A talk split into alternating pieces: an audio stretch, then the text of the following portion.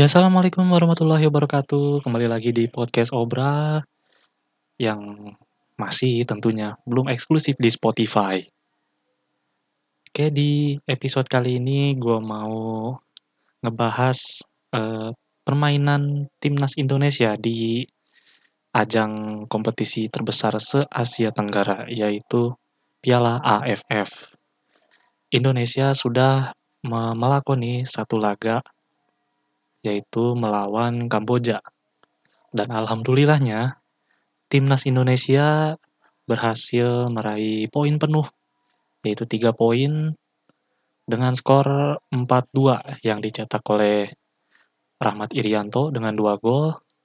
Terus juga ada Evan Dimas yang mencetak gol. Yang terakhir itu adalah Ramai Rumaki, si pemain muda dari Papua.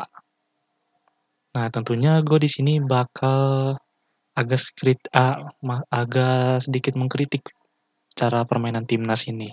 Soalnya uh, kemarin itu seperti tidak enak dilihat gitu loh cara mainnya. Dari passing selalu uh, salah, selalu ke lawan passing, terus kontrol juga masih ya kadang-kadang juga agak sedikit gimana ya? Kayak baru kayak baru kayak baru belajar main bola gitu. Kontrol kadang masih suka lepas bolanya. Terus juga finishing yang terlalu terburu-buru dan juga selalu membuat keputusan yang agak sedikit gimana ya, agak sedikit blunder lah. Tapi yang anehnya timnas Indonesia ini dari di menit-menit awal di uh, di babak pertama ya, di babak pertama mereka bermain cukup bagus dari segi kualitas passing, terus juga cara mereka uh, mengcover, terus juga cara mereka intercept. Itu di menit-menit awal bagus mereka. Hingga timnas Indonesia bisa mencetak uh, di babak pertama itu tiga gol lah. Lewat brace-nya Rahmat Irianto dan juga Evan Dimas. Tapi cara bermainnya ini uh, hanya bertahan sekitar 30 menitan lah. Mereka main bagus ini sampai di mana e, menjelang menit-menit akhir babak pertama itu timnas Indonesia kayak seperti kehabisan tenaga lah. Padahal masih ada tersisa waktu sekitar ada ya sekitar 15 menit lah 15 menit akhir menuju akhir babak pertama mereka seperti drastis sekali turunnya uh, stamina mereka. Dari segi speed mereka agak uh, telat, agak agak lambat ya maksudnya agak lambat. Terus juga dari segala segala teknik apa ya teknik passing juga jadi amburadul gitu. Jadi passing ke mana-mana, terus juga selalu ngandelin ya ngandelin jurus lamanya timnas Indonesia dulu ya long passing long passing gitu. Jadi itu uh, menuju menit-menit terakhir itu salah passing terus juga terlalu buru-buru. Terus long pass long pass nggak jelas lah. Sampai ya Ezra ini kebingungan gitu. Ini bola mau ke mana gitu arahnya. Padahal Ezra ini tipikalnya bukan seorang pelari sih. Bukan seorang pelari. Jadi dia itu dia itu real striker. Jadi dia menunggu umpan-umpan yang bagus dari Evan atau juga dari Witan.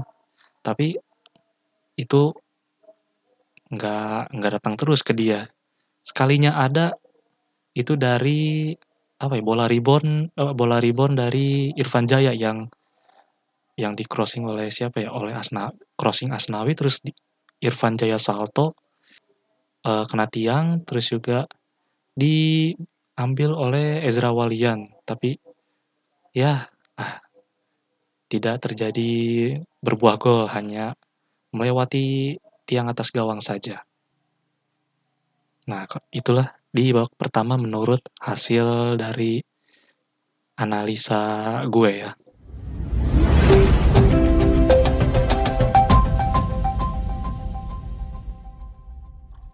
Nah, di babak kedua, ini gue berharap timnas Indonesia bakal keluar lebih menyerang lagi gitu. Soalnya ekspektasi gue di babak pertama itu cukup ah, jauh lah, jauh dari harapan.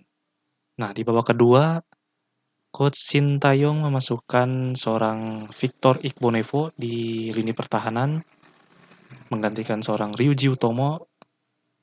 Dan menurut gue Ryuji Utomo semalam itu kayaknya penampilan nggak penampilan terburuk juga sih, cuman dia kurang bagus lah, kurang perform si Ryuji ini.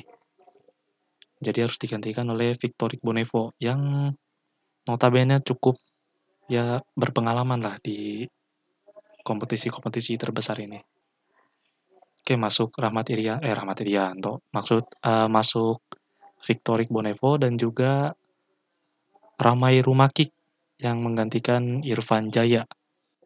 Masuk ke babak kedua, timnas Indonesia langsung bermain dengan cukup cepat dan juga agresif di menit-menit awal seperti biasa. Menit-menit awal mereka mulai menyerang, terus juga dari segi apa ya, dari segi intercept, terus juga dari build up permainan mereka cukup bagus. Itu mungkin sekitar 15 menit lah. Cuma 15 menit di babak kedua mereka bermain bagus seperti tanpa beban lah mereka bermain ini. Nah, di babak kedua, mereka berhasil mensarangkan satu gol lewat pergerakan dari Ricky Kambuaya yang agak sulit ditahan, ditahan oleh para pemain Kamboja. Dia melakukan soloran yang cukup bagus, melewati dua orang yang tadinya sepertinya Ricky Kambuaya ini ingin mengoper kepada Ezra Walian. Tapi ternyata Ezra Walian saat itu di cover oleh salah satu back dari Kamboja. Nah, yang cerdiknya dari Ezra Walian ini, ini gue kira dia bakal uh, langsung syuting dari operannya Ricky Kamboja. Ternyata dia uh, sengaja membiarkan bola itu lewat dirinya. Lalu di belakangnya dia itu ada Ramai Rumakik yang berdiri bebas tanpa pengawalan satupun dari pemain Laos. Dan akhirnya Ramai Rumakik bisa mencetak satu gol di babak kedua dan menjadikan skor Indonesia menjadi 4-1 saat itu. Tapi yang sangat disayangkan dari permainan timnas Indonesia ini di babak kedua, ya lagi-lagi gitu. Uh, jauh dari harapan gue yang bisa jauh lebih menekan lah di babak kedua. Tapi ternyata di babak kedua timnas Indonesia ini hanya bisa bermain sekitar 15 menit lah. Sekitar 15, menit mereka bisa uh, apa ya, bisa mengolah sebuah serangan lah. Mengolah sebuah serangan dan juga bisa bermain bagus. Dan sisanya ya mereka terus diserang hanya mengandalkan counter attack. Ini sebuah PR besar sih kalau misalkan lawan Kamboja lawan Kamboja aja uh, sesulit ini apalagi lawan Malaysia apalagi lawan Vietnam. Mungkin udah babak belur kali.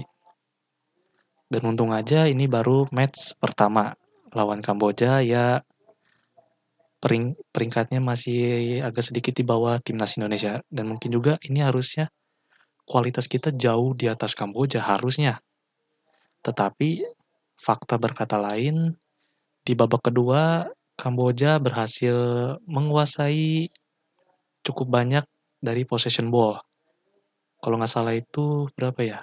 60 banding 40 lah kalau nggak salah. Ini sesuatu yang miris sih kalau misalkan timnas Indonesia bermain seperti uh, seperti kemarin lah, seperti kemarin saat melawan Kamboja. Ini bakal babak blur lawan dua tim besar ini, yaitu Malaysia sama Vietnam. Dan gue harap sih Sintayong pasti, ya pasti ngerti lah. Dari match kemarin dia udah pasti bakal menganalisa dan akan memperbaiki dari segi kualitas uh, serangan dan juga kualitas cara bertahan. Terus apalagi yang paling penting yaitu kualitas passing sama kontrol. Itu benar-benar harus di perbaiki secara secara tepat dan tepat. Dan mumpung lawan-lawan besar masih lumayan jauh, sekitar tiga, eh sekitar seminggu ke depan lah lawan Malaysia. Dan di match kedua ini kita bakal lawan Laos. Nah, Laos ini juga jangan dianggap enteng. Mereka juga bisa mempersulit sekelas Vietnam.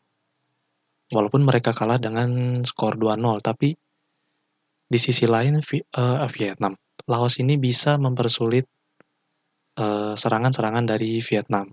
Jangan dipandang sebelah mata lah Laos ini. Ya, walaupun mereka dulu adalah tim yang tertinggal, mungkin sekarang mereka jadi tim kuda hitam, jadi tim kejutan di Piala AFF ini. Siapa tahu. Oke, itu analisis dari dari mata gue ya, dari penglihatan gue, cara permainan timnas Indonesia masih banyak, masih banyak yang harus diperbaiki dari segi kualitas permainan. Itu Indonesia masih jauh sih. Dan gue harap lawan Laos ini pemain-pemain inti seperti Elkan Bagot, terus juga uh, Syahrian, terus juga mungkin Fahrudin bisa main di match kedua lawan Laos. Mungkin dari segi permainan akan sedikit berubah dengan hadirnya mereka-mereka ini. Ya semoga aja sih. Oke, okay, thank you for listening. Semoga kalian terhibur. Terus dukung timnas Indonesia di Piala AFF 2020. Moga-moga sih Indonesia juara ya. Semoga aja.